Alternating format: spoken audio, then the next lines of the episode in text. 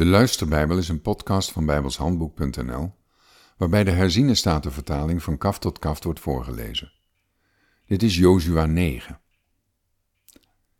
Het gebeurde toen al de koningen dit hoorden, de koningen die aan deze zijde van de Jordaan waren, in het bergland, in het laagland en aan heel de kust van de Grote Zee, tegenover de Libanon, de Hethieten en de Amorieten, de Canaanieten, de Ferezieten, de Hevieten en de Jebusieten, dat zij gezamenlijk bij elkaar kwamen om eensgezind tegen Jozua en tegen Israël te strijden.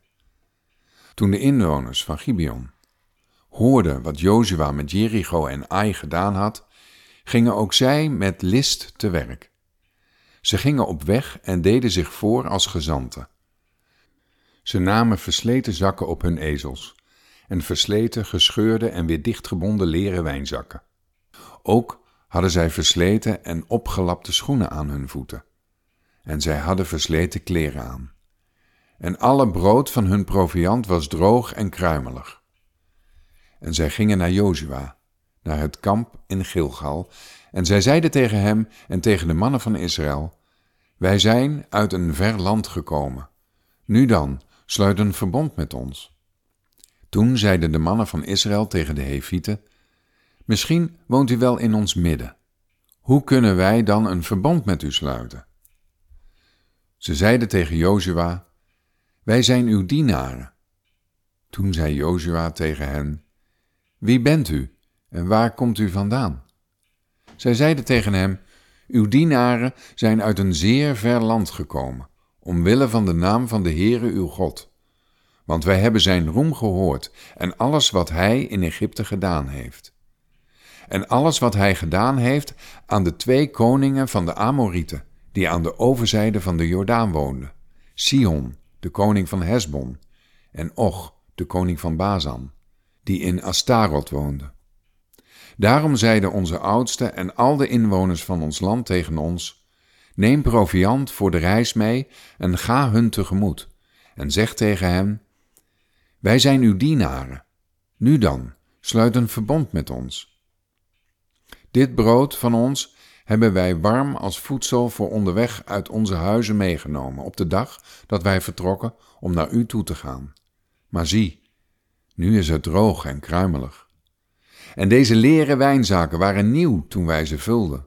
Maar zie, ze zijn gescheurd. En deze kleren van ons en onze schoenen zijn versleten door de zeer lange reis. Toen namen de mannen hun proviand en zij vroegen niet om een uitspraak van de Heere. En Jozua sloot vrede met hen en sloot een verbond met hen, dat hij hen zou laten leven. En de leiders van de gemeenschap zwoeren hun een eed. En het gebeurde na verloop van drie dagen, nadat zij het verbond met hen gesloten hadden, dat zij hoorden dat zij hun buren waren en dat zij in hun midden woonden. Want toen de Israëlieten verder trokken, kwamen zij op de derde dag bij hun steden. Hun steden nu waren Gibeon, Kephira, Beerot en Kiriat Jearim. Maar de Israëlieten versloegen hen niet, omdat de leiders van de gemeenschap hun een eed gezworen hadden bij de Heere, de God van Israël. Daarom morde de hele gemeenschap tegen de leiders.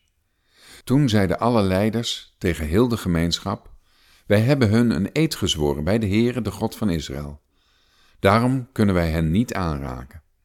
Dit zullen wij met hen doen, zodat wij hen in leven kunnen laten, opdat er geen grote toorn over ons komt vanwege de eed die wij hun gezworen hebben.